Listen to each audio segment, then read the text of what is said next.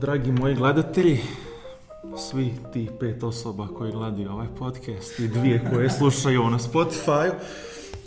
Nakon pauze od skoro godinu dana je opet mi nam pol da snimam podcast i ovo je malo drugačije jer ima jednu temu, svi ostali su bili onako, ja i ti počnemo pa gdje odem, ali ovaj nekako počinje sa tim zamišljene tako da počinje kao razgovor o čuvenom danu D, iskrcavaju na Normandiju i malo o svjetskom ratu, drugom svjetskom ratu, Ovaj, pa vidjet ćemo gdje ćemo završiti. Možda počnemo na Normandiji, završimo na Far Cry šestici, kreku, grafičkim karticama, sve je moguće.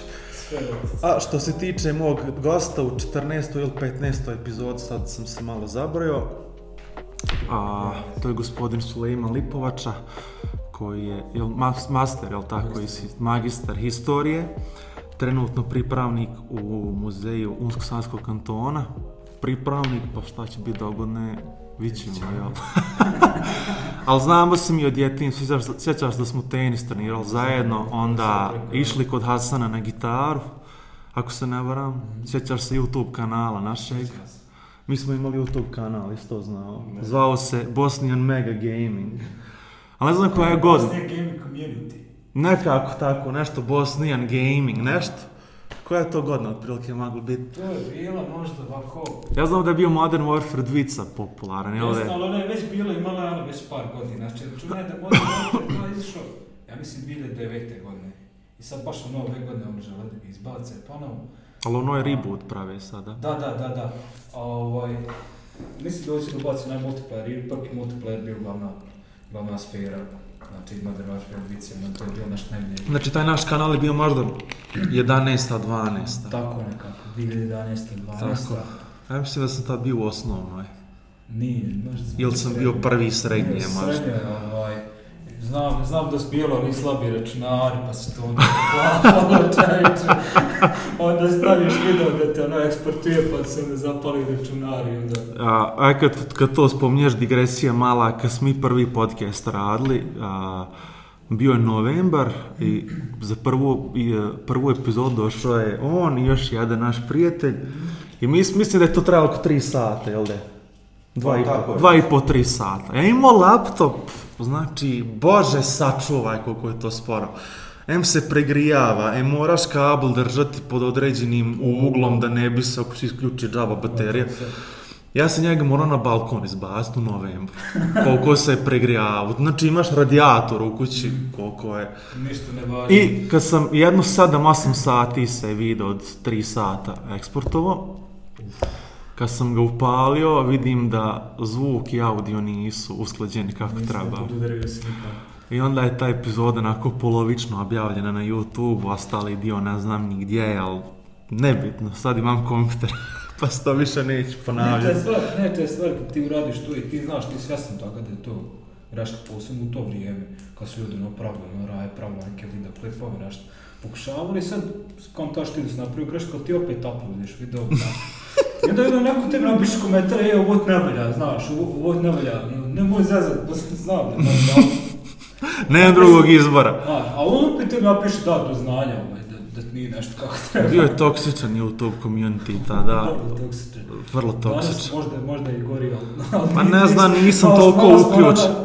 Isključio sam se, mislim, objavim podcast jednom u godinu dana i to je moj domec sa YouTube-om. Ovaj, ali ono, hajde, možda će biti toksičan kad budemo milion subscribera i onaj plate button, onaj mm. silver button. Ja ne znam šta više imam da vidite, oni su prešli od sve granice sada. Diamond je zadnji, jel da? Mislim da je Diamond bio zadnji. Jel, da, a, to je 100 miliona, a, mislim, koliko... ne znam ko je prešao to, ima ljudi da pašto na... 100 miliona. A, slobe, ja pratim... Imaš da PewDiePie prešao 100 miliona i, i neki indijski kanal je prešao 100 miliona. Thank you, come again. Ovaj, mislim da su oni prešli, ali nisam siguran. Pa vjerujem sigurno da tutorijalu prave. Ili po pa druga stvar nije, nije to ni pošteno jer uh, Indijaca je milijardu i 200 miliona. Da, da. Znači u kontekstu to ti je ko u Bosni imati hiljad pregleda, tamo imaš milion. Pa da, da, zavisno koji kontent praviš, ono, možda neko fakat se posveti videoklipu, radi kvalitetno. Da. Za Ali vi ste mi milion, milion subscribera, 100 miliona subscribera. Da. Kaže, Ali ovi što imaju 100 miliona subscribera, oni su neka tamo a, produkcijska kuća, prave serije, filmove, pa onda kao... Bollywood. Bollywood nekakav je u pitanju. Dobro, sad je TikTok pomutio. Čuvam svima sada. Da. To je novi kontent. A, no, nova društvena mreža. I najče, najče smiješan je uvijek otpor ljudi kada, znači, kada izađe neka nova ovaj, društvena mreža. Logično, ko će prvi se društvo, društvene mreže su najmlađa raje Znači, ne da radi, će prva da uđe na te društvene mreže i on će biti aktivni. I onda dolazi onda skupina ljudi koja baca hej neki neku mrežu, sam kaže, a joj, gledajte vi kakvi su vi, ovakva, ova mreža ne valja, ovo, ono, tako isto bilo za Instagram.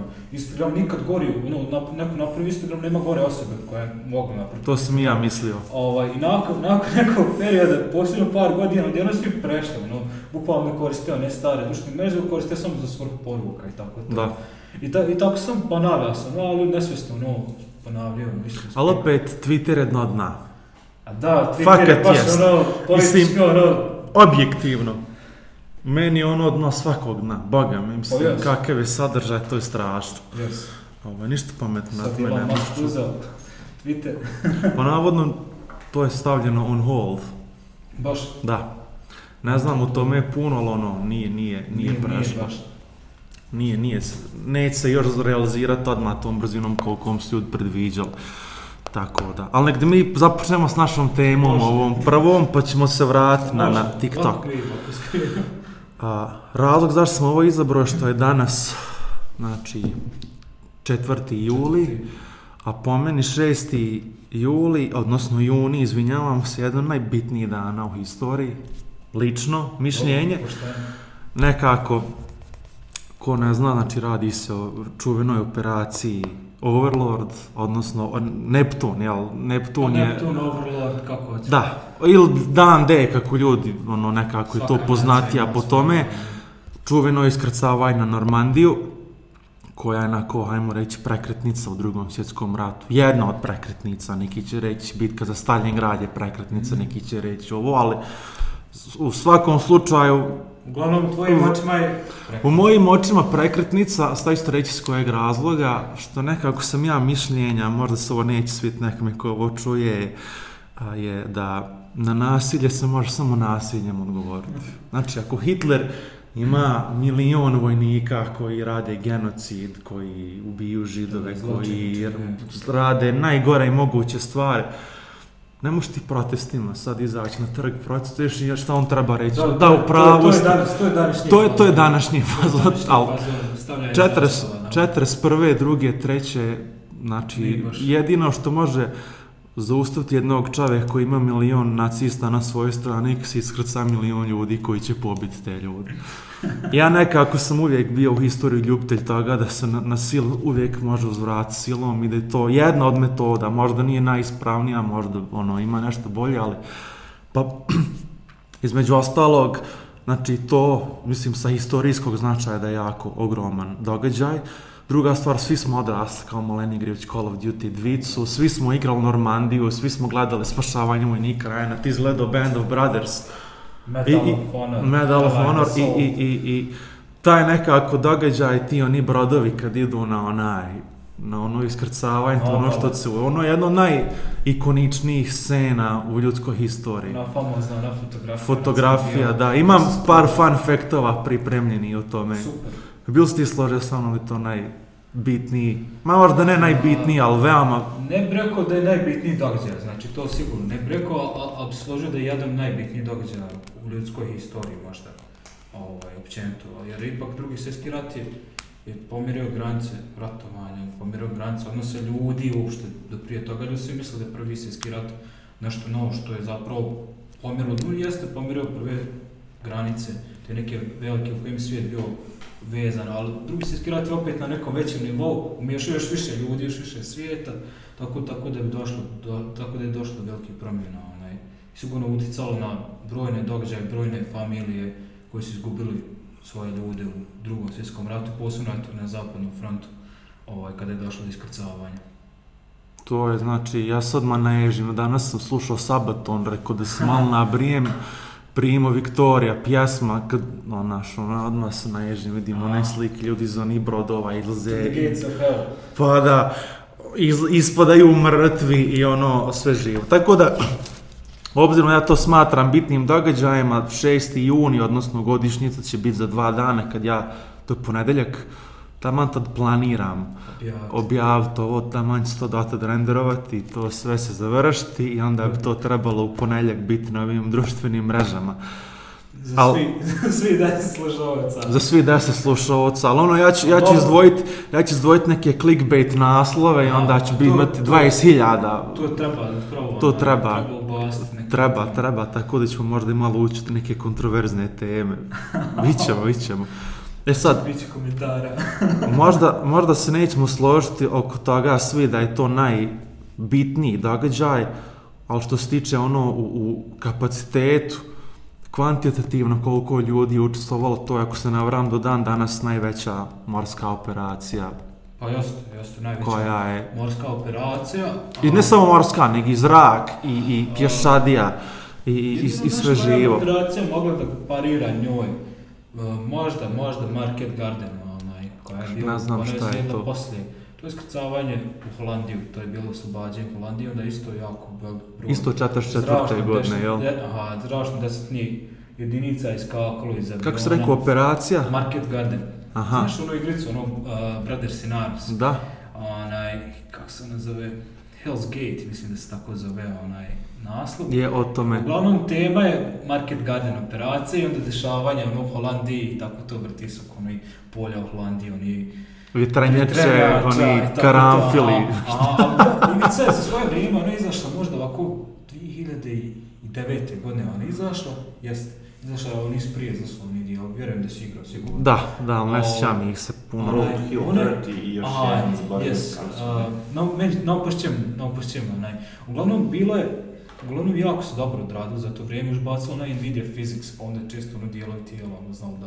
da znam da je Stadox, naravno, jedna od prvih igara gdje možeš naređivati svojim trupama, A, sakre da, da, i se puca. Pa da, Znaš kako se zvao još jedan dio? Uh, e, Hell's Highway. Hell's Highway.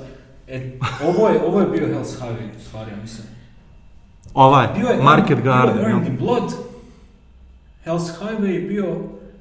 Uh, Road to Hill 30. Road to Hill 30, To možda, je to, da, tri su Možda je bio još nek, jedan Možda je bila ekskluziva za PlayStation. Pa da, bilo je, bilo je za konzole, tako to, ali znaš da su u to vrijeme kad se izbacivalo igre, za konzole uvijek su bilo malo drugačije, malo druge misle, da. nisu imali da. ste stvari. Da. Tako, tako da ono je opet morao uzeti ove za konzole da ih pređeš. Da dobiješ puno iskustva. A, Ava, ovaj, a zašto sad taj operacija Market Garden, ja prvi put čujem, zato je sam veliki ljubitelj drugog svjetskog rata, što to nije toliko popularno? Vjerovatno nije bilo toliko bitno kao... Mm, a pa možda nakon, nakon ovih razmjera veliki. Da, stalo je ono... Pošto brodovi ne čuda, da, su masivni sami po sebi, ovaj, oni su učinili da ta, jel, da ta operacija Neptun dobije na Overlord, iskrcavanje na Normandiju, nebitno, kako god. Onaj, a ne, ne, da znaš koja je razlika? Te A, malo sam, negdje sam našao operacije, piše operacija Overlord, negdje operacija Neptun. Sad,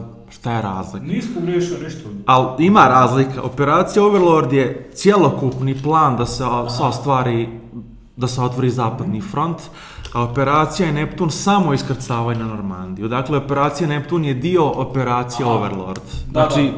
a ono, ali opet ne možeš pogriješiti, ali eto. Da, da. Ako to ćemo, ako da ćemo cipirlačiti, onda... Da, da, da. Ovaj, Ovaj, da, bila je operacija i prije samog iskrcavanja i poslije bilo je to sve. Evo, našao sam operacija 43. operacija Bodyguard.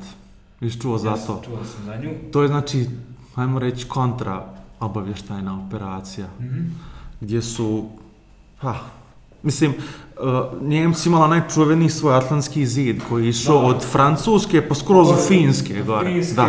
kačio Norvešku isto. Da, i sad operacija Bodyguard iz 43. je bila, pa ajmo reći, neka logistička priprema za to s raznim obavještajnim i kontraobavještajnim dejstvima, dejstvima da se otkrije gdje će Njemci biti najranjiviji. I onda su iz nekog razloga skontali da bi to baš trebalo biti Normandija, I uspostavilo se da je to istina. Ovaj, a Njemci, nažalost, su pokrivali čitav taj atlantski zid i znali su da će napast saveznici, međutim nisu znali gdje i to je naj, najčešće koštalo. Ovaj, a evo, na primjer, našao sam podatak da Hitler je znao da će, Njemci, da će saveznici napast negdje u Francuskoj, mm I on je računao na, računao na to, ok, nije bitno gdje će napasti, ono, ja imam prugu, željeznicu, ja ću ono, pojačanje dostaviti u roku od par sati. Međutim, par mjeseci ranije su saveznici bombardovali čitavu Francusku, pruge su skroz željeznicu, su sravno sa zemljom. Pa, Tako da, na kraju kad je baš došlo do, do toga da, da Hitlerovo i pojačanje dođe, nisu na kraju ni moglo doći jer nije bila željezniče, ceste su sravnile. Tako da operacija Overlord je ono, kad uzmeš hronologiju tih priprema samo ono jedan moment, a godina i godinu da, da. ranije se sve pripremalo polako i da. da. bilo isplanirano ono do bola, što da. bi se rekla. Zanimljiv ovaj. podatak je da zapravo sam Churchill, Winston Churchill nije vjerovao u uspješnost ove operacije. Znam, ja, ja to tome napisao. Čak sam sve pričao ovaj, fazon kao ovo će vjerojatno biti fail, vjerojatno će me smijeniti, svašta nešto. Ovaj, nje, on to govorio, on čak više je bio za za fazan Jugoslavije, da se iskrcam Jugoslavije. Pričat ćemo o tome, ne znam, ovaj, ovaj, dar mar. ovaj, ali uglavnom, i on, je, i on baš nije vjerovao u to, najviše je bilo zagrejan Amerikanci. Ovaj, uglavnom, vrhovno vodstvo Amerikanaca je bilo, da. sami koji nisu ni znali, nisu ni znali gdje idu, zapravo do samog dolasku u Englesku nisu znali hoće li završiti na Pacifiku hoće će završiti u Europi. I onda su ono zapravo svi na engleskom, znam šta je reći, ali... ono, jer, jer su, oni su, ima, oni su imali, ne, nakon obuke su oni imali na Rally Point u New Yorku i onda su u New Yorku onaj krećali. Sad, fazon je tome bio što, što su oni, mislim, mogu samo reći idemo u englesku, ali I bilo je brodova koji su išli čak i za Pacifike, ovaj, iz New Yorka, ovaj, vojnika, vojni brodovi, i onda sam bio u konfuziju, gdje ćemo mi ići, ono, jer ipak, ipak se moglo naslutiti da se priprema invazija, nešto. Ono, ali niko nije javno govorio o tome, jer ipak špijuni su radili svoj posao i bilo špijuna na sve strane, sve jednoj jel, državi. Da, ali evo ti čuo sam, ono, danas sam baš čitao o tome da njemački špijuni nisu bili toliko uspješni kao saveznički špion. Čak u ovim godinama 43. četvrte su sami otišli u Englesku da špioniraju, predali se ljudi. Ono, znao, znao, jedan čest, brio, znao, jedan čest, dio njih. Jel to neki ono grižnje savjesti, su skontali da nema pomoći? ovaj, a mislim, mislim da treba više prododati ona MI6, ovaj, jer on ipak znaš da je MI6 bio... James Bond. Mislim, James tad se Bond. nije znalo ni da postoji MI6. Nisi znao. Da, sumnjalo se da postoji. Prvo je bio James Bond, film MI6 i onda je tek kasnije rekao, pa rečeno pa, da, MI6 fakat, fakat postoji. ovaj, i upravo ja mislim, mislim da to treba zahvaliti Britancima i njihove obaveštajne službe, zašto su, na primjer, brojni ti njemački špijuni pali i tako to. Ovaj, sigurno bilo je njih u Americi koji su djelovali Ali eto, obično to, to su neki zanimljivi dijeli, to sad tek počinje, počinje snimati filmove oko toga, brojne serije i tako. Nisam gledao Bridge of Spies. A. Mislim, nevezano je za ovu priču, A, nikako, ali ti špljunaže, ti dupli A. agenti, to je meni. Na primjer, i sad, i sad... To je već hladni rat. Sad kad opet počeo sad priču, sad opet imaju kontent novog da snime u... Eto, možeš, možeš snimati serije, možeš filmove snimati, onaj, vezano za špijune, primjer, drugom svjetskom ratu, sve ne nacije, ono, možeš bukvalno napraviti, po, istim tim događajem možeš napraviti ekstra zanimljiv kontent, ono, ovo, eto, dobre ideje za ove što... Ako neko sluša, pa evo, može, ovaj... Samo sjeti kasnije. da. Ovaj, 6. juna se znači desilo to iskrcavanje na Normandiju, međutim nisam znao da je bilo izvorno zakazano za 5. juni. Aha, međutim, vremenske neprigode, te valovi, te nekakvi, uh, oblaci, magla koja je spustila je tu ipak bilo primorano da se otkaže 6. juna, a i 6. jun opet je bila na ivici. Hoće li to biti danas ili će se pomjeriti? Međutim, problem je bio ako da, to, da, se to nije, da, se to nije desilo 6. juna, moralo bi se čekati mjesec dana, jer navodno u engleskom kanalu neke struje, plima, oseka budu povoljne samo 2-3 dana mjesečno. I ti ako 2-3 dana ne iskoristiš, čekaš mjesec dana, ponovo. pa onda ponovo. Ti, tipična engleska u smislu kanala i sve, sve nekako kao da si engleskoj, da što u francuskoj. da. Znači ono vrijeme, uvijek gledaš te vrijeme kako će biti. Kako će biti, pa da. Ova, i, i, da, Eisenhower je bio glavni vođa svih svih, ovaj, svih Allied jedinica. Zavrnički kasnije naravno postao predsednik, ali ono, o tom potom. Dobro je to iskoristio, onaj. Pa to je bilo dobar ono za, za, za predizbornu kampanju, ti kažeš čovječ, ja sam uradio dan D, ja sam zaslužan za najveću pobjedu ja saveznika. ja, za, zašto ja ne mogu biti? To ti je kod da se 98. Dudah kandidovao za načelnika države. Zamisli da se to desi, da kaže ja sam odradio sanu 95, Odmah ja, x, x. Koga da. matri za bijećkog načelnika? Pa eto, jel to premijera bi kantona? to bi gledao. to bi bio landslide. Ovaj. To je bilo očekivano, no nisi ništa drugo ne očekivano. ali eto, Eisenhower, sad nisam baš čitao njegove predizbornoj kampanje, ali moguće, ja. moguće, ne bi me čudo da i to koristio kao A. jedan od svojih, ono, asova u rukavu. Vjerovatno, jeste. Znači, za vrijeme tad je Roosevelt bio predsjednik Amerike, Teddy Roosevelt, I imao je, imao, da, imao je Eisenhowera kao svog savjetnika, savjetnika a vam Adolf Hitler imao čuvenog Ervina Romela Pustinsku listicu, koji je bio zadužen za, za onaj, taj atlantski štit. Da, da. I navodno je Rommel savjetovao Hitlera, pa on je potpuno pogrešno protumačio, pročitao sam barem sad, ja sam ja to našao dobar izvor ili ne, Romel je predviđao skroz na nekom desetom mjestu da će saveznici se iskrcati. I navodno Hitler ga nije odlučio poslušati što je na kraju mu pomoglo u jednu ruku da jest bio, bili bi gubici za, za Hitlera puno veći da, da je slušao Romela. To sam našao na jednom članku što sam danas i juče čitao a ono, čudno onako, kad se sluša o Romelu, uvijek za njega on je jedan najjači je znači, oficira. To, to je znači kad krene priča. Priča tome. o njemu i njegove pustolovine u Africi, šta je sve radio, onda kardinalnu grešku napravi u Francusko, ono malo, ono, ne možeš vjerati to on, razumiješ? Ali zanimljivo, dešavaju se greške svima.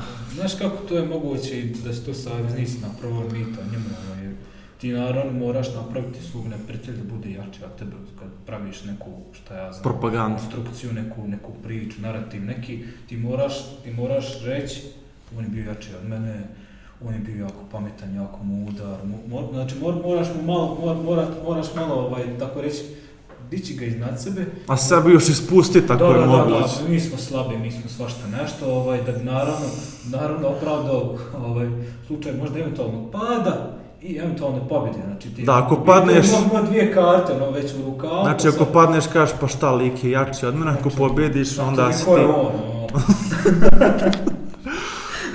A i znaš li za pričat me kako se on ubio? Aha, to kad sam otkrio za pa, zaviru. Pa, da. Znam, znam. Navodno, ja sam čuo priču da s njemu oficiri došli, došli ga ubiti Rekao, ne, ne, ne, ja imam svoj mhm. pištolj, ja ću to rad sam. I onda je napisao proštajno pismo, ubio se i... Ovaj. Ja ne znam baš da se on upucao, ja mislim... Ja da sam to čuo, znači... Ovaj, uglavnom, on, on je pao u zavjeri, ono kad je bila zavjera operacije Valkira, ja sam izgledao film, ne s Tom Cruiseom, sad je Tom Cruise aktivan ovih dana. Da, dana. nisam taj film gledao.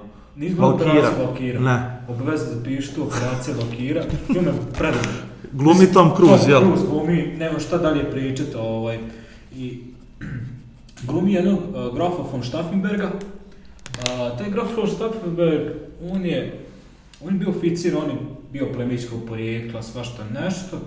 Ovaj, samim tim dogurao do neke pozicije u Wehrmachtu. I njega je zadeslo to da je on zajedno sa Romelom bio jedan od njegovih oficira i borio se u Africi. I tu je među vremenu desio se jedan napad na britanske avijacije u kojem on stradao i pokušao je izvukao jednog ranjenika, stavio ga u auto, nabio gas, pokušao paliti auto, vozio i taj naletio tamo Spitfire koji je izrokao njih. U tom momentu je a, auto eksplodirao, njemu je izvalo, ovako izbalo mu je ruku, stvari par prstiju, ruku, okom izvalo, svašta nešto. Uglavnom, nanijelo mu jako puno štete, ovaj, jedva živo sto frajer. Onaj, ali zanimljivo je to kako on došao u Afriku. On je u Afriku došao zato što je bio buntovan, on je došao kao kazneni kao kazneni vod, znači kao kazneni oficir koji je dobio kaznu i da je za kaznu dobio službu. Preko prekomandu. Prekomandu, mandu, aha. Zato, zato što je pisao neke tekstove kako Hitler pravi neke sulude pokušaje, kako ovo što on radi nema smisla nikakvu, ono, jednostavno vidio neku realnost daleko drugačiju ono, od većine ljudi ono, koji su bili zalođeni, ono, vjerovali sve što im kaže vlade i tako to. I on je upravo zbog toga dobio u Afriku i tu je zapravo postao invalid i među vremenom dobio najveća ona odličja upravo zbog, zbog toga spašavanja ovoga jednog vojnika i svašta nešto i on je poslužio kao jedan od oficira koji su ovaj, zoni vojnici ovaj, Wehrmachta i čak i u neku ruku upoznao i Hitlera. Lično i kojim je Hitler sam rekao da bi e, volio da svi generali njemački kao on što je Ovaj, je bio moment kad sam pokušao sa njim pozdraviti, ovaj, on je imao ruke, onaj, jer ga sam potušao.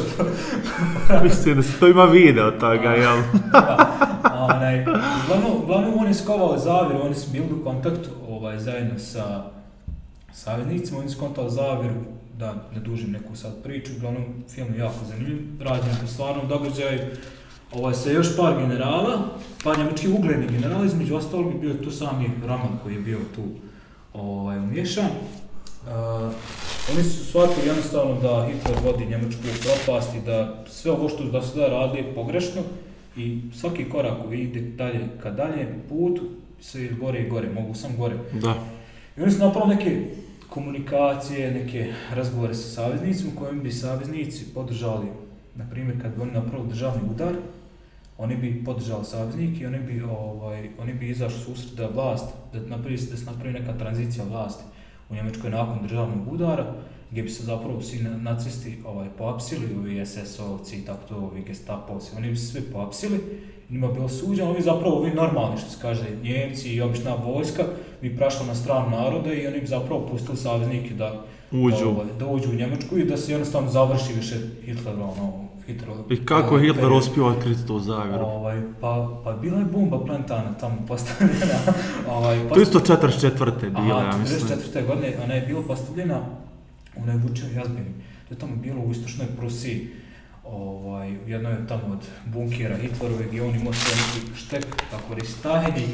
Ovaj, I bila je bomba tamo postavljena i sam, zanimljivo je to što je on sam, taj grof Ronštafn, postavio taj eksplozij. I sad ima, u filmu pokazano malo detaljnije kako taj eksploziv postavljen, kako je on aktiviran.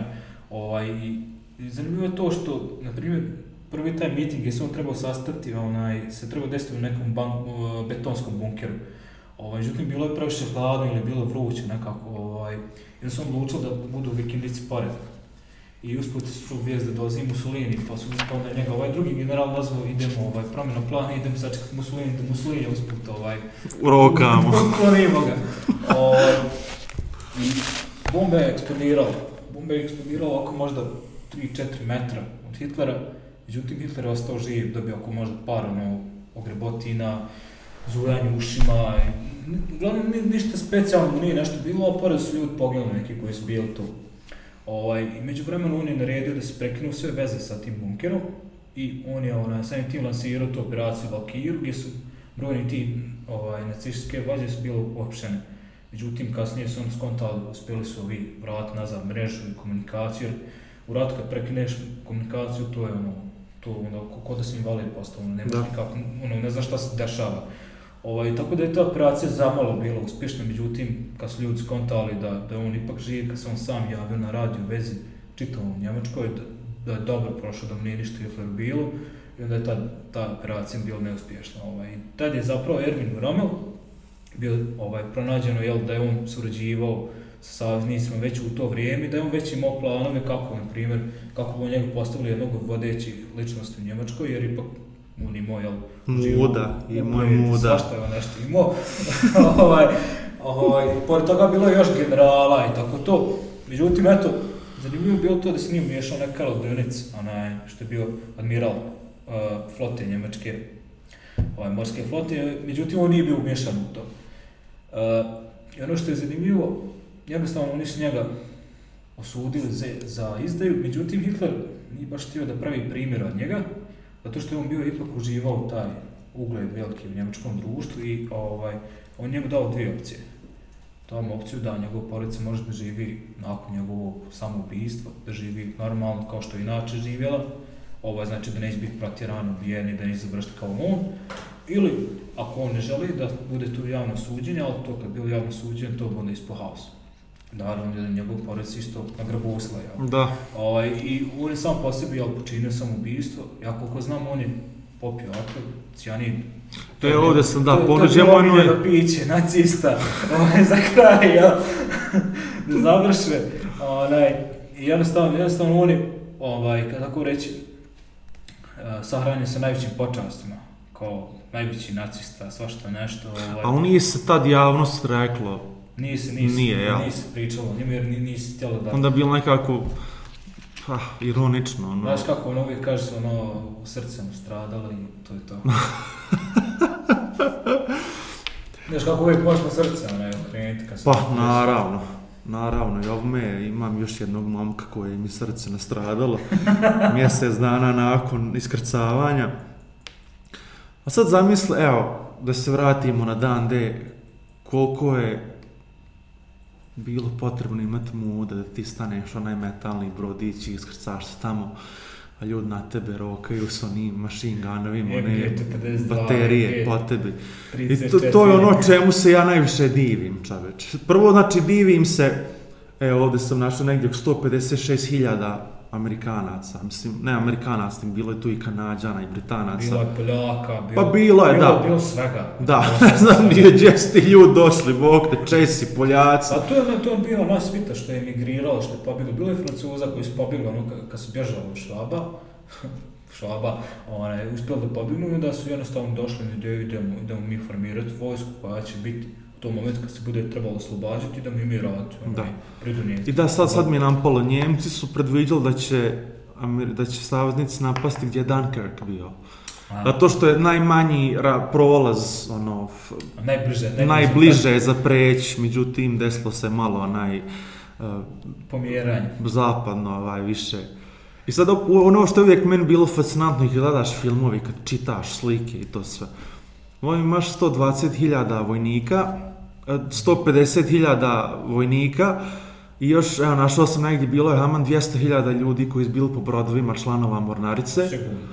I ti ljudi sad idu u sigurnu smrt, a s druge strane 50.000 Njemaca gledaju kako milion ljudi njih napada. Znači, ja se divim i jednima i drugima. Moraš gledati uvijek. Jer, jer, jer ni ovi e, Njemci, pola njih svojom voljom bilo tamo.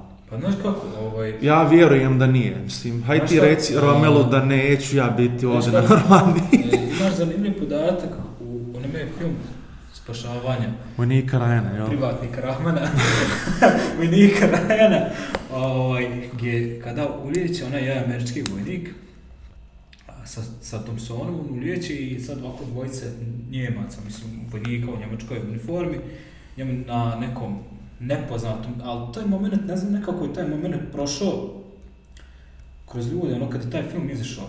Nekako ljudi nisu, opet, kada nisu obraćali pažnju na taj moment, ovaj, ali to je jedan od detalja koji ti dovoljno govori o svemu ovome što ćete reći sljedeće. Uh, ti ljudi su pričali na poljskom jeziku.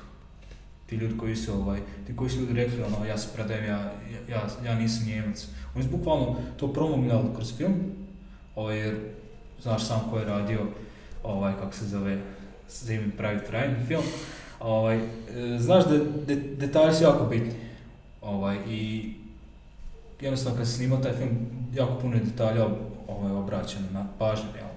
Ovaj, I upravo to govori činjenicu da, da je zapravo nisu samo Njemci bili koji su bili na tom jel, Atlantskom zidu, famoznom Atlantskom zidu, to je bilo Poljaka, bilo Čeha, bilo i Ukrajinaca, bilo je jako puno vojnika koji su borili na strani Njemačke, ali koji su došli, bukvalno su došli koji su bili otjerani sa nekih svojih pozicija, eto primjer, primjer Ukrajinci. E, ti brojni Ukrajinci su zapravo protivili se sovjetskoj vojsci, sovjetskoj, i onda su formirane brojne jedinice, one legije i svašta našto u drugom svjetskom ratu ukrajinske, koji se uređivali sa Njemcima.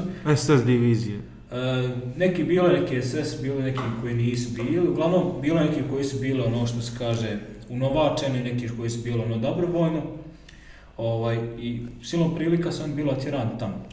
Bilo je čak i jako starih ljudi koji su nisu bili vojno sposobni, jer fokus je, glavni fokus je bio na istoku da se šalje onaj, tako da je brojni jel starci su završili tamo na zapad da se brane i bilo je jako puno kažnjeničkih vojnika, znači vojnici koji su bili neposlušni, oni su za kaznu jel, morali da idu znači, na zapad, ne u zapad kada se osvajao zapad, nego zapad, kada se trebao, kada se braniti, da. O, ovaj, jer, jer kada se osvajao zapad, to, to je bilo ono kao da neko pošli na, na ono što se kaže, na, na odmor neki, ono, zamisli neko te pošli da služiš vojsku francusku, ono, bukvalno nemaš ništa rad nakon svoje francuske, ono imao sam da piješ i, da hodaš po onim gradovima francuskim.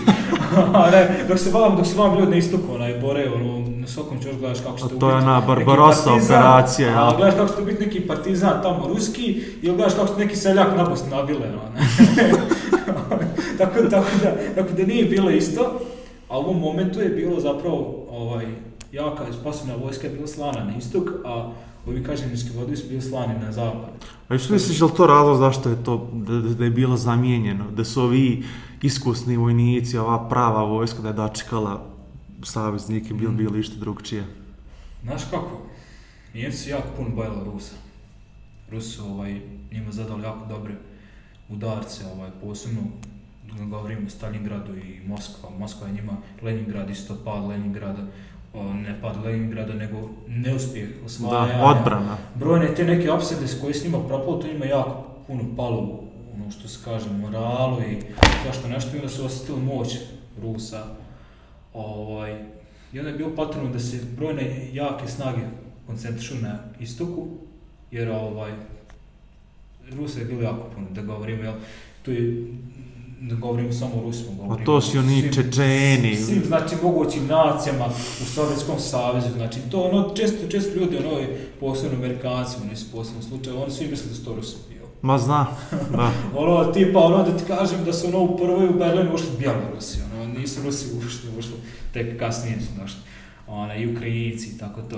E, I onda, da bi bilo nešto drugačije, teško to nagađati, ovaj, ali, Borili su se ljudi koji su bili pružili su... Ono što je mene iznenadilo sad spomenuo, te Poljake, Čehe i to. Ja se jako puno iznenadio kad sam neki dan otkrio da je bila francuska SS divizija. Bila je. Karlo Veliki se zvala. Ja ne znam zašto bi jedan Francus bio u SS diviziji. A, pa bilo je možda germanskog porijekla, kao što je bilo u Jugoslaviji isto. Ovaj, bilo je ovaj, narod koji je bilo njemačkog porijekla, Oni su bili takozvani Fox Volksdeutscher, da. Rajdeutscheri su živjeli u Njemačkoj, da, oni da. su ipak bile razlike da, da, između njih. Oni su ipak nativno bili Njemci onda su onda, onda ipak, posle to su one granice tamo onaj, koji su često ovaj, Njemci htjeli da uzmu sebi. Da. Sudetska oblast, jel, na početku rata. Da, da, i tamo jel. ona Elzas i Lorena, Sudetska oblast je tamo kod Češke, da. Elzas i Lorena je tamo na, na zapadu. I to su bile neke zanimljive teritorije, upravo zbog ruda i tog prvog svjetskog rata i drugog svjetskog rata. Ovaj, tu je bilo jako puno miks, miksa naroda, znači bilo je Njemaca, bilo je i Francuza. I onda je bilo logično da se formira još jedna SS divizija koja je bila tu prije Karlo Velike, a bila je i francuski Wehrmacht je bio ovaj... To nisam Ne znam sad na njemačkom nazivu kako je bio, ali ona zastava, ona sa francuskom, možda se vidio čak i muzej tamo u Osmoj krajiškoj ima ona Ima, Nisam na da ima, ima detalj da francuske zastave. Aha, pa pokazao si, A. Da. nije slika, nego je baš šljema. onaj. Pada, pada šljema. Da, da, da, da. da. je, ovaj, tako, Znam. tako da kad malo gledaš uh, zapadni front, možeš često vidjeti na šljemu francusku zastavu. No, tako da ne Ali na nacističkom šljemu francuska Aha. zastava, da. To je veoma zanimljivo. Imaš u muzeju, pa od odi pogledaj. Baš zanimljiva stvar. Ima zanimljivi stvarčica. Ovaj. Da. Koga zanima, naravno. Ima ljudi, znači, ima ljudi koji jednostavno ne zanima drugi svjetski rat ili nešto, neka moderna historija. Oni su ono gledaju, ono dođu i ah, to je to, jel, ono, kao, ono, ne znam šta se očekivalo, ono, drugi svjetski rat, možda ja neće ratova trenutno, koji si kada desio neki događaj, ono, u ljudskoj historiji. A, to fuck. Ej, ne možeš tjerati ljude, evo, na primjer, ako ćemo pričati o stvarima koje meni, na primjer, novi vijek, smrt čovječe. Znači, od od 1492. vam od Prvog svjetskog rata me ne zanima ništa. Možda malo Napoleon, eto, on mi je onako zanimljiv lik, plus sad za vikend idem u Francusku, pa hajde. Francusku? Pa... Gdje ideš? Pa idem sa svojima u Pariz, ovaj, da- kupljene karte još prije korone, avionske te korona, te pomirite, pomirite, možeš pomirite. Možeš malo do da Normandije otići. Ovaj, pa znaš kako, idem na dvije noći. Tako da nema od toga ništa. Ono što Louvre, Louvre kupljene karte unapred da ne moramo čekati u redu, odnosno barem da smanjimo čekanje u da, redu. Da, da, da, vidio sam. Redu. Onda kupljene karte iz Eiffelov, Eiffelov toranj, onda da. ćemo vidjeti malo one voštane figure, muzej Notre Dame, vidjeti u kakvom je stanju taj bauštel gore. Ima naše ovaj, da radi. Ovaj, i, eto, tako da u petak idemo, mislim da je avion u 9 sati. Odakle, iz Zagreba. Zagreb, pa da, Croatia Airlines. Kako što, viš prejako. Eto, mala digresija, nakon pa me, znaš kako u Louvre, tamo ono, ako se naravim u sobi gdje je Mona Lisa, uh, ima ogromna slika krunisanja Napoleona. Mm -hmm. A Napoleon je specifičan po tome što on sam sebe krunisao. Jeste. On je uzeo papi krunu i rekao, nemam ja živaca za tebi, stavio ja sam se set krun, nemam ja vremena, on je bio zauzet. Tako da to je baš ta slika prikazuje njega kako stoji, na onako krunu stavlja i mislim da s dimenzija oko 20 metara, da, nešto da, da, ogromno. Da, da, njegov grob ima isto, grobnica ona. U Parizu, jel? U Parizu, aha, ima njegov grobnica. Da. Za one koga više zanima, Napoleonik poslušaju pjesmu od Abe, Waterloo, ovaj, pobijeli s Neurosong 74. sa tom pjesmom baš ljubavna, ali Napoleon se spominje. Svakako Napoleon izgubio tada. da, pa da, to je mislim prvi stih to odmah kaže. Ovaj. I Na, moj, moj prvi... Moraš moj... moraš otići uh, na onu poziciju gdje si Hitler slikao. Pa to sam planirao, baš osvajanje, napraviti, napraviti. Osvajanje Pariza, odmah ovako došao dan poslije, ovako došao tu iz kosa, onako, ima ona poza, moraš da pozu tu i moraš pokazati tu naći, onako iz Hoću, hoću, to je taj čuveni Trocadero trg u Parizu gdje se on slikao svojim oficirima. Mislim da je Hitler kad je osvojio Francusku rekao kao ovo je najlakša pobjeda, najbitnija. Nešto je rekao... Mislim, ono, znam da je lik doslovno ušetao u Francusku i pa jeste, skoro. Pa jeste, zato znači, što Francuza očekivao da će on napasa mažnot linije. I oni su dobro otvorili, Francuz dobro otvorili mažnot linije, međutim, onda su mu se zaleći, kontraparaći. tako da mažnot linija je potpuno bio beskorisna, ono, kad dođe neko s oni su već mislili da će biti ratovi tipa kao što je prvi svjetski rat, dosta toga da. okupnih vozila francuski je bilo, iako u to vrijeme francuski oklopna vozila u prvom svjetskom ratu bila jako dobra. A u drugom svjetskom ratu su zaostali zato što su mislili da će biti kao što je bio i prvi svjetski. A Zato je Blitzkrieg i upalio. Jer su on očekivali robovski rat i ljudi sam pregazili. E sam Hitler je gledao uh, Pariz kao jedan od svojih gradova koji je zapravo želio da ima u njemačkom tom nekom rajku da je.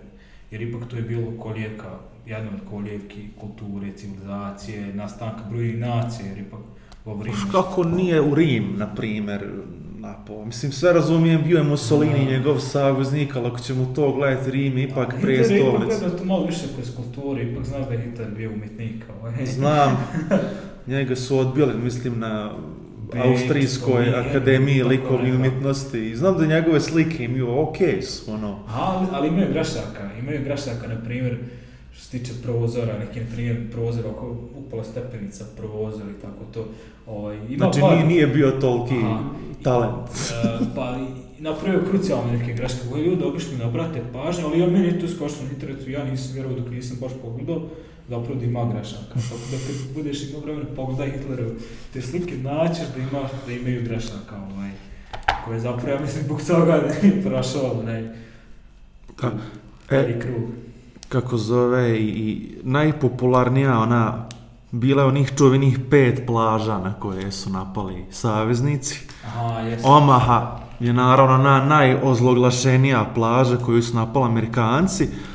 I od tih pet plaža dvije su napali Amerikanci, Omaha i Utah, a Omaha je najviše žrtava odnijela, a Utah koju su isto Amerikanci napali, mislim da je poginulo ovako od 200 ljudi, u odnosu na broj koji je napoje, ono, baš Znaš Maleno. Omahu, Omahu, čupa, mislim čupa. A, činjenica je ta da je ona jel, najduža od svih ti plaža. Ovaj, I to je upravo najširaka kako, zavisno kako gledaš, koje pozicije gledaš. Da. Ovaj, uglavnom zbog toga je, zbog toga je to ucalo da bude ona kao najveća. Naj, da. A između ostalog Utah je bila malo drugačije koncepcije ta plaža. Znaš da je plaža da probijem na liticama. Znam, da znam. Da je se potrebno popijeti gore. Znam. Znaš da znam, da iz Call of Duty. Znam iz Call of Duty-a, da. Oj, ovaj, Ili iz Keca to. Dvica. Dvica, jel? Dvica. Da, znači to je Utah. Keca još nije imao mehaniku tu da napravi tako penja. Al, al, al u Kecu Call of Duty je onaj... Uh, Enemy dobro. at the gates, kad ideš Stalingradu, nosiš samo metke u šaci. Aha. čekaš, ima ona misija, da. iskrcavaš se, onda ako neko pogine uzmeš njegovu pušku. I ne, i ne pokupiš nikada. Za sam drži u ruci okvirana. a, na primjer, na Sony dvici uh, sličan je fazon odrađen, uh, mislim, Call of Duty Finest Hour, to je bio prvi Call of Duty za PlayStation konzole. Da. Ovaj, I na sličan fazon je urađena ta misija, ali malo drugačija i bolje, jel, malo da naprednije. Call of Duty da vic pokupiješ pušku. Aha. ovaj, a, ali su, ne znam iz kojeg su razloga napravili taj Finest Tower je bio jedan od najtežih igrica, znači, koja je bila ovaj, za igrati. Baš, baš, nis, nis, baš su napravili one protivnike. Ja, ja, teško, no, još imaš one health packove, moraš kupiti onda zafoliti health packova, nemaš gdje naći. Jesi li igrao Wolfenstein, ovaj, yes. kako zove onaj novi New Order, Uh, on isto ima ono iskrcavanje na Normandiju negdje. Nije Normandija, ali... Uf, šta nije, ja ne najdrži. Mislim, ja mislim na ove ribute. Začina koje postoje. Onaj... Slažem se, to je... I ovaj zadnji nešto se što kao nešto kao op. Young blood. Young Blood. Sa čerkama, BJ. Ja, ja, sam to, ja sam to skinuo, ja sam to probao, nisam nikako svet. Ni, ni meni. Ja, ja sam bio u fazonu, šta ste... Zvukovi su, stop! Šta ste uradili, no, šta vam to da treba, no, nigdje nema ono, storyline-a nekog, mislim, ima storyline, ali nema u me fazonu kako je bio, no. ono, 20 godina prije no. Da. toga. Ovaj, a storyline mi je ono bio predobar, ne znam, meni bio jako zanimljiv, Wolfstein, vidi, dijelovi, tako, tako da i dan danas rado ovaj, poigram Wolfstein. Evo sad me napadlo da sam napisao ima jedna veoma zanimljiva fotografija koju ćemo staviti na ekran. Čuvena konferencija u Teheranu. Da, da. E ovo je nekako zanimljivo, evo vidiš ovde sliku Stalin, Ana Roosevelt i Churchill. Zašto baš Teheran? Ima li neki razlog zašto? Da se njih trojica sastanu tamo? Pa ima zato što su onaj, prije toga bili u Egiptu. Jel? Ovaj, Nisam to bez Stalin, tu, tu ni bez Stalin i onda su kasnije prešlo Teheran da se, da se vidi i sa Stalinom. A Teheranska konferencija je zapravo bila mrtvački sanduk za četnike, Čiča Draže, Mihajlovića i općenito četnika. Šta to pokreta. znači? A, to znači da su saveznici konačno uh, kako bi on rekao, prepoznali da je zapravo partizanski pokret, Tito pokret, pravi pokret. bio pravi pokret, za pokret koji se bori protiv fašista, nacista i brojnih ovih saradnika. I oni su upravo skontali, mislim, znali su oni to prije, imali su oni sam Čerčelov sin bio u Jugoslaviji, bilo je tu jako puno ovih doušnika. Međutim, to dok se vremenom ozaglasilo, dok se to malo... Znaš šta ja mislim? A, nakon pada Kraljevine Jugoslavije, ta dinastija otišla u Englesku. Ja, da, Petar da. Karadžođević. Znači, to je vlada u egzilu, ta čuvena. Mm A vamo su četnici bili na terenu koji se bore za kralja i otačbinu. Otačbinu u, I, u Da. Pa zanimljiva činjenica da je sam kralj Petar II onaj, izjavio kad su, kad su oni provali četnike, ja, on je izjavio da svoj, svim narodima u Jugoslaviji da zapravo trebaju pratiti Tita da je i ono, podržao ga u suštini. Da, ali nisu to Englezi znali, ja, ja jer vamo... Ja da je to uradio više onako iz straha, zbog, da, da, zbog da. toga što je bio u Engleskoj, da. onda je bio patron da ti podržiš osobu koja je zapravo bore protiv toga, ovaj, nekako je on razmišljao kako će dalje posle rata. Da. Ovaj, ali mislim, mislim nije se on puno pitao, on je bio dijete tada, onaj, ipak, ipak su njegove... Da, ali opet, da, ono... Da, svakako su ga iskoristili, izvinite, prekidam, da, da, svakako su ga svakako su ga iskoristili saveznici za ono, neka zove, za tu, kao, hajmo reći, propagandu, ja. Da, da, naravno. Samo brati narod, da kaže koga, koga narod treba da prati, to I ono, to je ono zašto me, primjer, Englezi su podržavali četnike. Da. A, i, da. no, no, nisi znao, nisam, nisam. Pa da, ali na, na prvu to zvuči ono kao, wow, zašto li ono, Englezi su primili dinastiju u egzil, da, da. imaš vojsku koja se bori za tu dinastiju. Znači, znači Amerikanci koji su stavili u taj magazin, Draž Mihajlović je kao osobu godine, ovaj. da. Ima, ima, imaš, ima, naslovno možeš se naći na internetu, znači slika Čiče Draže iz prvog svjetskog rata, gdje on zapravo pričaju njegove podvige, on fakat bio jedan od jačih oficira u prvom svjetskom ratu. Zanimljiva je jedna činjenica da je tokom bitno u Kolubari, tokom prvog svjetskog rata na jednoj strani bio Tito, kao vojnik nije on bio neki veliki oficir, tako to Ovaj, sa druge strane bio čišća draža, ovaj. I on dođe drugi svjetski rat i onda sam se okrenu ulogu, ovaj se bori za, protiv zla, ovaj protiv dobra i tako to. Ko film, čovjek.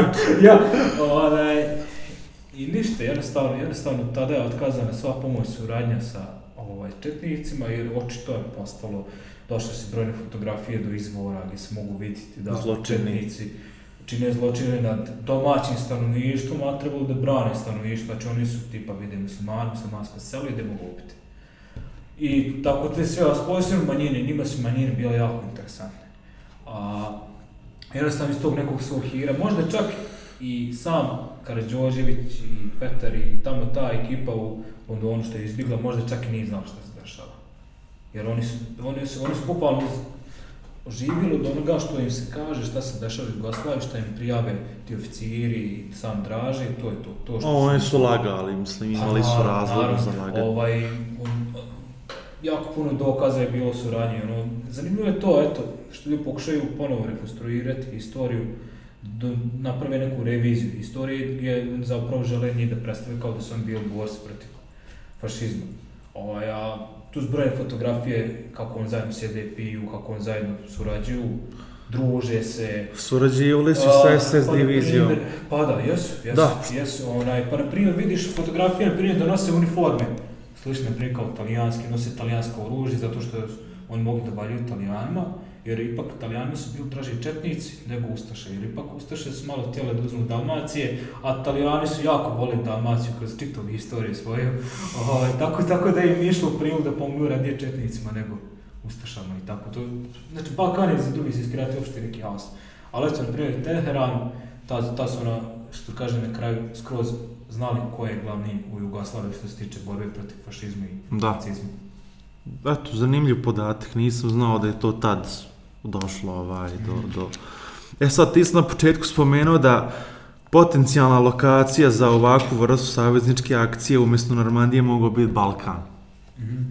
Između ostalog, bilo je tu jako, jako puno potencijalna lokacija. Ali zašto, na primjer, Balkan? Bilo mogu o tome išta više reći? Zato što si imao jako uspešan pokret protiv fašizma u Jugoslaviji i jednu jači vojska, ne, ne ne, e, ne nekih grupica vojnika, ne nekih Nego regularno ne otpora, ko što je na primjer u čitoj Evropi, bilo otpora u čitoj Evropi, ali nije bio u velikom razmjeru kao što je na primjer kao što je bio Titov pokret, na primjer partizanski pokret koji je zapravo se izdigao u jednu veliku vojsku koja je zapravo na kraju krajeva, na kraju samog rata sama sad, sebe oslobodila. Priznali njih, između ostalog, Njemci sam priznali njih kao legitimne ovaj, protivnike, legitimnu vojsku, jer nismo mogli verovati da, da su jednostavno toliko uzdigli. Ovaj, I onda, što da ne, izvršiti invaziju na neko plodno tlo, iako kad imaš u pozadini ovaj, saveznike. saveznike koji će ti vrlo rado pomoći, a što je na kraju krajeva, što je na kraju krajeva kad je bila uh, operacija Overlord, oni su prvo poslali, noć prije poslali zračne desetne one jedinice, između ostalog Band of Brothers, ovaj, mini serije, tu moraš pogledati, ovaj, koja je baš o tome priča, znači, ali imaju Market Garden, tu ćeš znači sad Market onaj, da i oni su bukvalno uradili taj dio posla pozadinskog, znači oni su pripremili teren da bi olakšao put, na da primjer brojne ste neke artiljerijske pozicije uništili i ukinuli i moguće, jel, neprijatelje blokirali, dolazak neprijatelja blokirali s pozadine da bi olakšao ekipi dole na da plaži. Tako da je svako neko pridonio nekom svom dijelu. Da, čak su i ovi što su, kako zove, a oslobodili Siciliju i Italiju se pridružili da bi ovo da, napravili. Da, da, famozni Big Red One.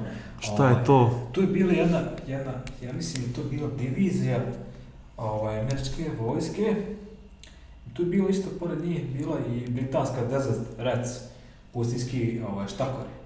Bukvalno si imao štakora, ako u crvenoj boja farba, ako štakor naslikana, onaj. Nisam znao. imaš, imaš Call of Duty 2, e, zove se Big Red One koji bukvalno priča priču. Znam za igru, da. E, nije, nije mi taj e, naziv nepoznat. On priča o toj jedinci koja je zapravo se borila i u Africi, i borila se i u Italiji, i pridružila od borbe onaj, na Normandiji. Na Normandiji. Znači svako je baš imao neki svoj ratni put, ono, istoriju neku svoju imao. No, meni je, na primjer, evo, čudno i nekako nepravedno što svi se pričaju o Britanci, Napoli, Englezi, Britanci, Amerikanci, ovo ono Kanadjane niko živ ne spominje. A od pet plaža jedna je bila njihova. A, ne znam zašto je to nekako zapostavljeno, to da su oni isto dali doprinos e, tome. Ja mislim, Kanadjan konacija... Nije bilo puno. On, Kanadjan konacija, on općenito ne žele nešto da se previše Diče. kao Amerikanci.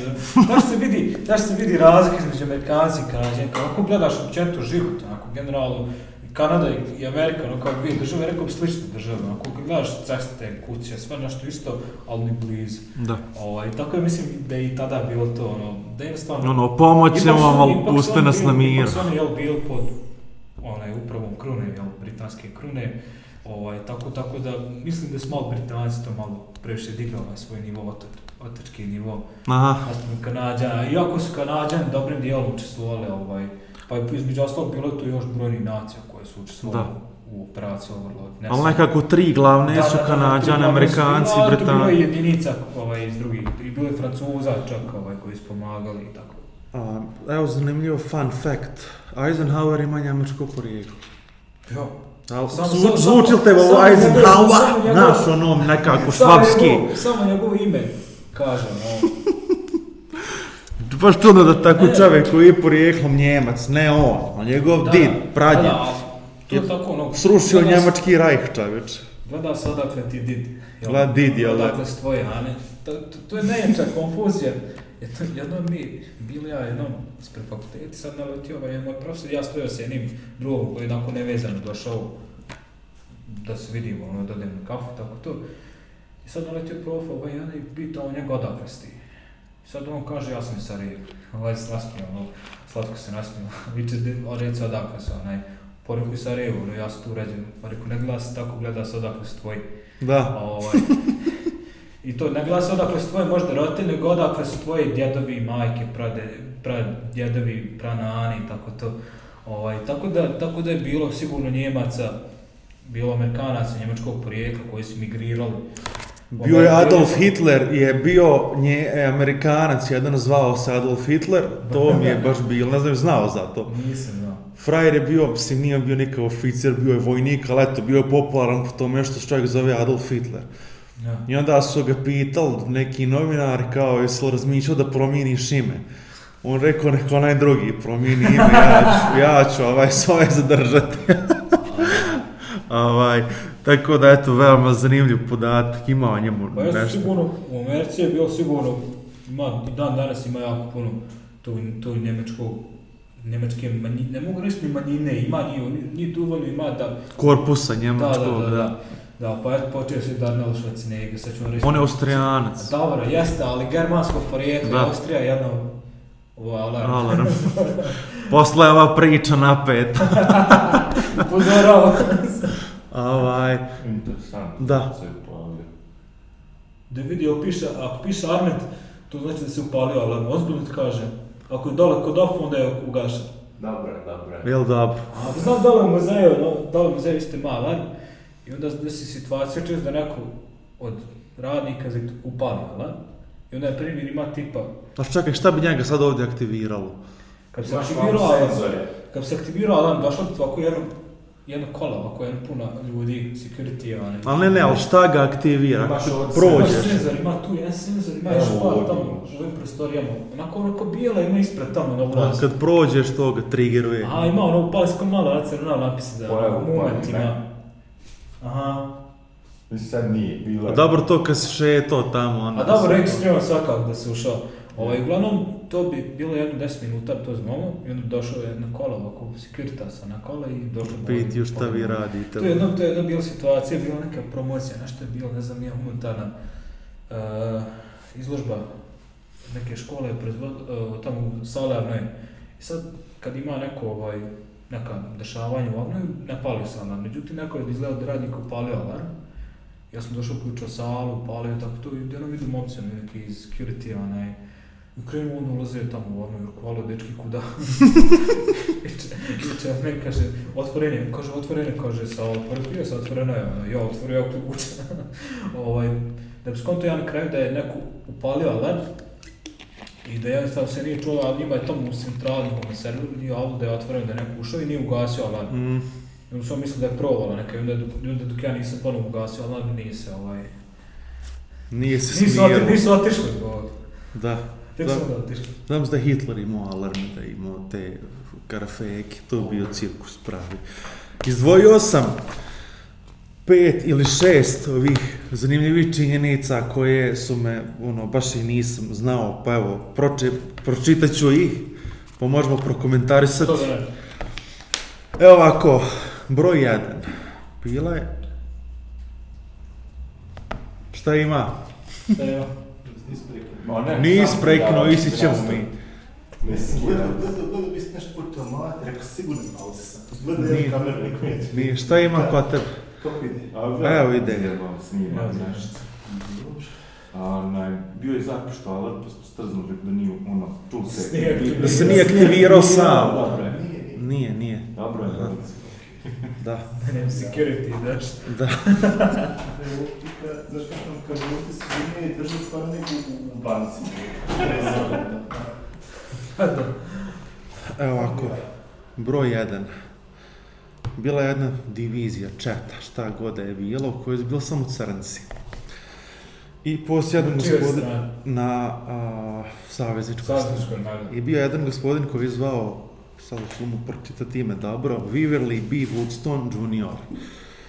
koji je bio doktor i koji je po iskrcavanju ono, kad su oni iskrcali malo probili one u liniju, ne baš odmah, ni on se već prvim iskrcao, čovjek je... Doktor, neće doktor. Da, neće on pogin. Šta to On je napravio svoj, onaj, kao štand, napravili su ono medicinski, onaj, lab. Mm -hmm. I I on je 30 sati bez prestanka radio i spasio skoro 200 života u tih 30 sati. Dobio medalju za to? Nikad nije dobio Ništa medalju. Nije dobio Ništa. A, nije dobio, sad, crnac je čovjek, pa zato, Ma, da. mislim da je čak umro 2005. Jo, ali, makar do tada dobio. E sad, nije, nije, nije, nije, 2005. je dobio medalju, međutim njegova porodica ono, vodi bitku da mu se posthumno dodijeli medalja. Da, da, da, da. Ovaj, tako... Vidim da. kako nisu atom prije moderna nacija, američka, sigurno bi dala sad da. Pa bi, vjerojatno će on to dobiti. Posthumno. Pa vjerovatno će dobiti, mislim sad koliko, je, koliko je Znaš da članak. Znaš kako je vrijeme tada bilo posle rata Ali evo, članak sad, nisam, godina. nisam provjerio koliko je članak star, tako da možda se to među vremenu desilo, morao googlat, ali evo. Ali opet činjenica je ta da, da je čovjek spasio toliko ljudi da ništa nije dobio. E, Moja prva asocijacija kad se spominje dan gde su oni čuveni brodovi mentalni. Gde da, sam da. znao da to uopće nisu brodovi za more predviđene. Nego, su to brodovi za močvar. Za močvar? Za močvar. Evo, na primjer, ima priče o da. tome. Gospodin Andrew Higgins, koji je bio, imao firmu koja je sva onim... Da nije onaj Higgins iz Magnum od PR, ne? ne znam, ali imao je ono... ono... Nisam, mislim, čuo sam za nju, ali... On je imao firmu koja se bavila izlačenjem onih balvana iz Louisiana, Swamps. I njemu je trebao brod, ono, koji, pošto je to plitko područje, nije mogo... Ono je redneko, ali... E, on isto pravo dešim, ono. Aha. E, sad nije mu odgovarao onaj brod koji imao ono dno. Kao da. inače, nek treba imati ravno. Ravno, da, zmogu da, oni bavljeni. Da e, i on je dizajnirao taj brod za svoju firmu i godinama, godinama ga... Koristio. Ne, ne, godinama ga pokušavao bezuspješno plasirati na tržište. Mm -hmm. Dok se nije zaratilo i onda je američka vlada otkupila 20.000 ti brodova. I onda je Eisenhower jednom prilikom Zato ga gospodin Andrew Higgins rekao, to je kao gospodin kojem možemo zahvaliti što je osvojio rat. Jer se ti brodovi koristili i u Italiji i u ono, na svim, na tim frontovima, a najpopularniji si po tome što, mhm. kako zove, se koristili u Normandiji. Neslaganje Roosevelt-Churchill, to mi je teza broj 3. Šta misliš, čega bi s njih dvojica mogli slagati? Dobro, da, ali činjenicu da govori da je jedan Britanac, drugi je Amerikanac. Ovo je, ne, ne treba ništa dalje od toga govoriti, onaj, pošto ja znam. Evo, ovaj, Ajde, čuj, prije, prije nego što je bio, prije nego što je bio, prije nego što je bio onaj, eh, prije 6. juna 44. imali su naravno puno akcija koje su prethodile tome i glavno neslaganje je bilo što su, on su složili oko jedne stvari. Da se treba, treba bombardovati prije 6. juna. Čer, Roosevelt je zagovarao, ok, može, bombardovat ćemo francusku infrastrukturu željeznica i cesta, da ne mogu Njemci doći, a Churchill se nije slagao sa tim, rekao trebamo ostaviti francusku infrastrukturu mir, treba Možda bombardovati... Njima treba. Trebamo, da, trebamo bombardovati njemačke fabrike, njemačke, mm. ovaj, njemačku infrastrukturu, vojnu, naminsku industriju. Drugo se iskovratiti. Znam, da. I to je bilo neslaganje, međutim, eto, sad poslušala, išlo je, na kraju Rooseveltova je bila zadnja, očito, sad ne mogu reći da je sad jedan kriv, drugi nije, vjerovatno bi imalo... Sve ima na mjesto sve na činjenici. Da. Ova, to je onako broj, možda nije toliko fun fact, ali eto, zanimljivo je da, da se nije složilo. Zanimljiv jes, makar meni. Broj četiri. A, obojica su i Eisenhower i Churchill su imali neku skepticizam prema tome da će akcija uspjeti. Ti si to već spomenuo. I našao sam pismo Eisenhowera koje on napisao prije same akcije u slučaju da akcija ne prođe dobro. I evo, citirat ću ga. Šta kaže? Kaže, naše iskrcavanje, u, uh, sad ne mogu na francuskom pročitati kako zove to, kaže moraš, naša... Moraš vježba francuski sad. Ne, ne, napisat ćemo, rećemo odmah naše iskrcavanje u Francuskoj nije uspjela u stvari dovoljno uporište, ja sam odlučio post, povući svoje trupe. Znači, pismo napisano prije samog iskrcavanja i odmah piše kako nije uspjela. Kaže, naše iskrcavanje u Francuskoj nije uspjelo stvar dovoljno jako uporište, ja sam odlučio povući svoje trupe. Moja odluka da se napadne u ovo vrijeme mjesto je bazirana na najpoznanijim mogućim informacijama koje sam imao. Trupe zrakoplo, zra, zrakoplovstva, mornarice i pješadije su učinile sve u svojoj hrabrosti i moći da ispune svoju dužnost. Bilo koja greška i krivica u pokušaju pada samo na mene. Znači čovjek je ovo napisao dva dana prije što će ljudi uopće krenuti da se iskrcavaju, nekako se već mhm. pripremio na taj e, neuspjeh. Ja, jer je on bio tada već bolestan čovjek, onda da već ne mislim da on očekivao da će umrijeti uskoro, tako da... Moguće. I naravno Churchill koji se bojao neuspjeha, pogotovo zato što je ovdje se našao da je on jako svjestan šta je bilo na Galipolju, koliko je Britanaca tamo poginulo. Mm -hmm I onda nakon 30 godina šalje Opet. još više ljudi da poginu. Samo malo brže kući. Da i onda se našao da je tu noć ženi rekao kao mi ćemo sad otići na spavanje, sutra kad usne možda 20.000 života bude izgubljeno. O, pa da. Što se pa i desilo. desilo ali, ali bilo je uspješno. Ali bilo je uspješno. Ovaj. Još jedna zanimljiva stvar. Sin Tedija Roosevelta, Theodore Roosevelt se borio na Normandiji i imao je 56 godina. Imao je 56 godina i bio jedan od prvih ljudi koji je iskrcao na, Šta je bio na Normandiju. Oficir? Pa bio je, nije bio obični vojnik, bio je, kako A, se zove, ima neku funkciju, možda i pisao, nisam pročitao. I ima slika, eto sad, ovaj, nisam je skinuo, ali možeš sad kad dođeš kući. Znači on je tad, 4 četvrti imao 56 godina, imao je srčane probleme i artritis i jedan od prvih ljudi koji se iskrcao na Normandiju išao je sa pištoljem i štapom za hodanje. Tako je izašao na plažu. ima slika toga, on ovako stoji, pištolj i kako se zove. Situacija ono rokne, I preživio je čovek i mjesec dana nakon rata je umro od srčanog udara. A njegov sin je također bio, znači, Teddy Roosevelt bio predsjednik Amerike, mm. njegov i unuk i sin su bili na Normandiji. Čitva familija. Čitava familija. Da. Sin mu se zvao Quentin Roosevelt, ko Tarantino. Zato nije neki rekli, kaže, što mu dođe Tarantino? I broj šest, ona čuvena fotografija, onaj brod i oni vojnici izlaze, ta se mhm. fotografija zove Taxi to Hell and Back koji je uslikao jedan uh, čovjek koji je imao zanimljivo ime i prezime, zove se Robert Sargent. Sargent mu je prezime, ali nije bio narodnik u vojsci i ono, jedan od najpopularnijih fotografija slična, ikad. Slična situacija, on napravio si jedan komini seriju, da je možda onako komedija neki taj fazon, Uh, catch 21, tako se zove, Quack 21. Ti si to gledao, jel? 22, ja. 22. I tako se nazvao ga jedno Major Major i bukvalno čovjek njega stavio. Znam, on ono trudi se dokaza da je bolestan, šta on? Pa svašta nešto, čovjek izmišlja, pomera tamo mapre, sam da ne ide ratovat. Ali ono, nekako nikako ga ne ide, ono, samo se povećava brojka, no. I bukvalno se neki lik, otisku onako iz zebancije dao ime, ono, Major, Major, Major, nešto 15 puta, Major. Oj, ovaj, da bi onaj komandant njihov, onaj tam general, šta je već nebitno. Naprijedio ovaj, ga majora. Majora, eto. I sad, sad pravi ne zna šta da radi. Ono, lik istrenira da bude vojnik obični. I ono sad je on major. I sad uđe lupi njemu u knjigu, da koliko je sad ono je pravo zakon ono dorga, ništa. Ona njemu dolazi kolega, taj što hoće da se izvuče, svo vrijeme govori da ti meni našto sreda, ja ne idem ratu. On se kako boji, uvijek se boji da pogine. Čak to drugi svjetski rat, Aha. Vjetnam. A drugi svjetski rat u Italiji, onaj, italijanska, italijanska kampanja.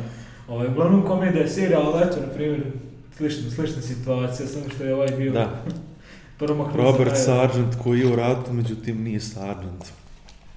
Ima knjiga jedan gospodin, kako se on zvao, uh, Artur Lombardo, nebitno, on je filolog ja. Da. i preveo Iliadu i Odiseju. Međutim, Iliadu je preveo ne u stihovima, kako je negdje u prepričan. I na omotu knjige stoji ova slika.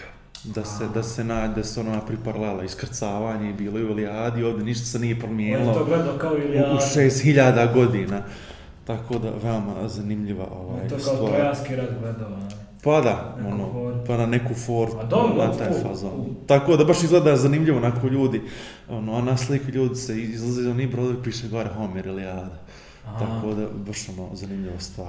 Pa I Spielberg je to iskoristio taj moment u filmu tamo, ne, spi, e, ovo, spašavanje vojnika Rajana i, i ono Medal of Honor Allied da Assault isto. Mislim, i on je bio isto u tom da Allied Assaultu istu da. situaciju je ovaj, napravio onaj taj moment onako kako se nadiže, upravo kako ta fotografija, kako je nastala, slična faza nastaje što je Zanimljiva činjenica je da je Spielberg započeo Medalofonor. Igrica Medalofonor je Spielbergova ideja. Da, da, da. da.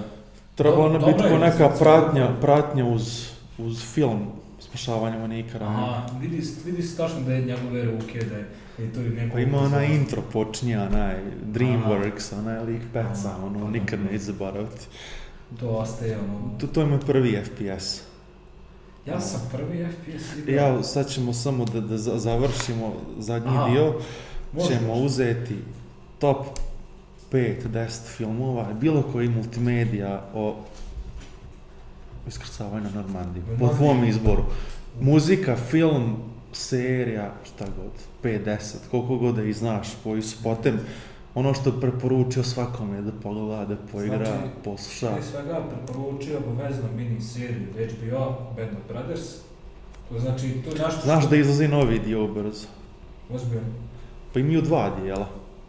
Imaš Band of Brothers koji je na Normandiji, Band of Brothers ono na Pacifiku, na Pacifiku kao, i treći će dio biti o pilotima ali ja mislim da nije, nije, nije to bilo kao prvi dio, ne, nešto nije, nije mi to djelovalo kao, kao prvi, prvi dio bio nekako glavni, ipak on ispriča. To je onaj Steven znao, Spielberg i... Nisam znao za da pilote da tu izlazio skoro. Ubrzo. Skoro. Pa, ove godine, ako ne i sljedeće. Mislim, već bio produkcija samo za sam govori da je jako... To je radio Spielberg i onaj...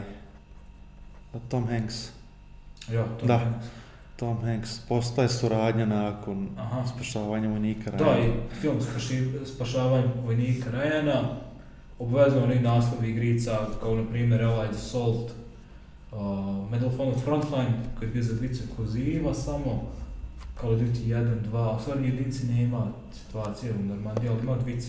U jedinci? U dvici, dvici. Aha, u dvici, da. Dvici ima, šta ima još ovako? Ne mora biti normalno, može biti drugi svjetski rat. Ali čem? drugi svjetski rat.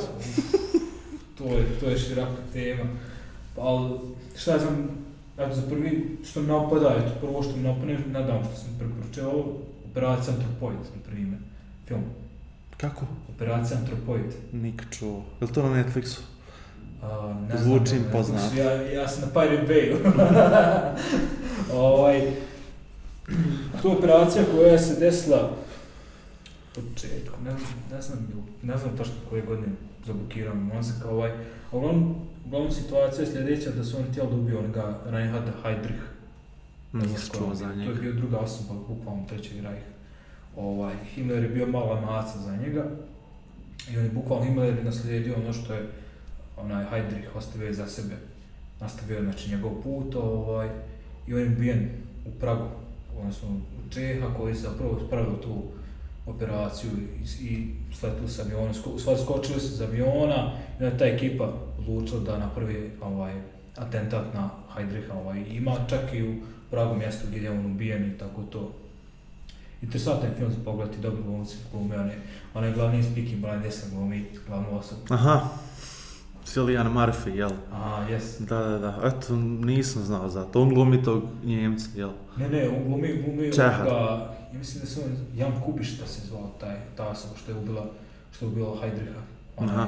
on često imao neke rute, onda su on njega sačekali u jednom momentu i ubili ga ovaj, i onda sam bio on patron ubio njega i taj Hitler onda kao odgovor na tu počinio ubio ljudi i ljudi. A sam poslije taj Heidrich se zvao Praški koljač.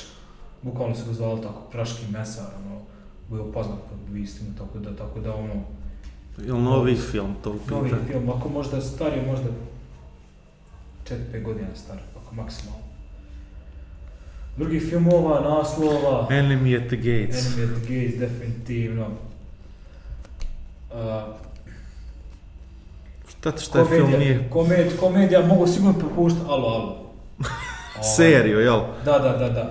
Ovaj, pa ne, fakat stvarno BBC je to odradio kako treba, onaj, znači Francuze, znači šprdaju na sve moguće načine, klasika, tipični onaj britanski, engleski humor, kako hoćeš, oduzmeš, a onaj, ali uglavnom bavi se tom tematikom. A, I nešto mi se još svidilo, na primjer, kad već pričam, u Francuskoj je svidila mi se igrica ona Saboter. Ja znam da Nisam nikad igrao, znam šta je. Moraš se skinuti, bila je zanimljiva jako, onaj. Ima dešavanja, prije u pokretu, otpor u Francuskoj.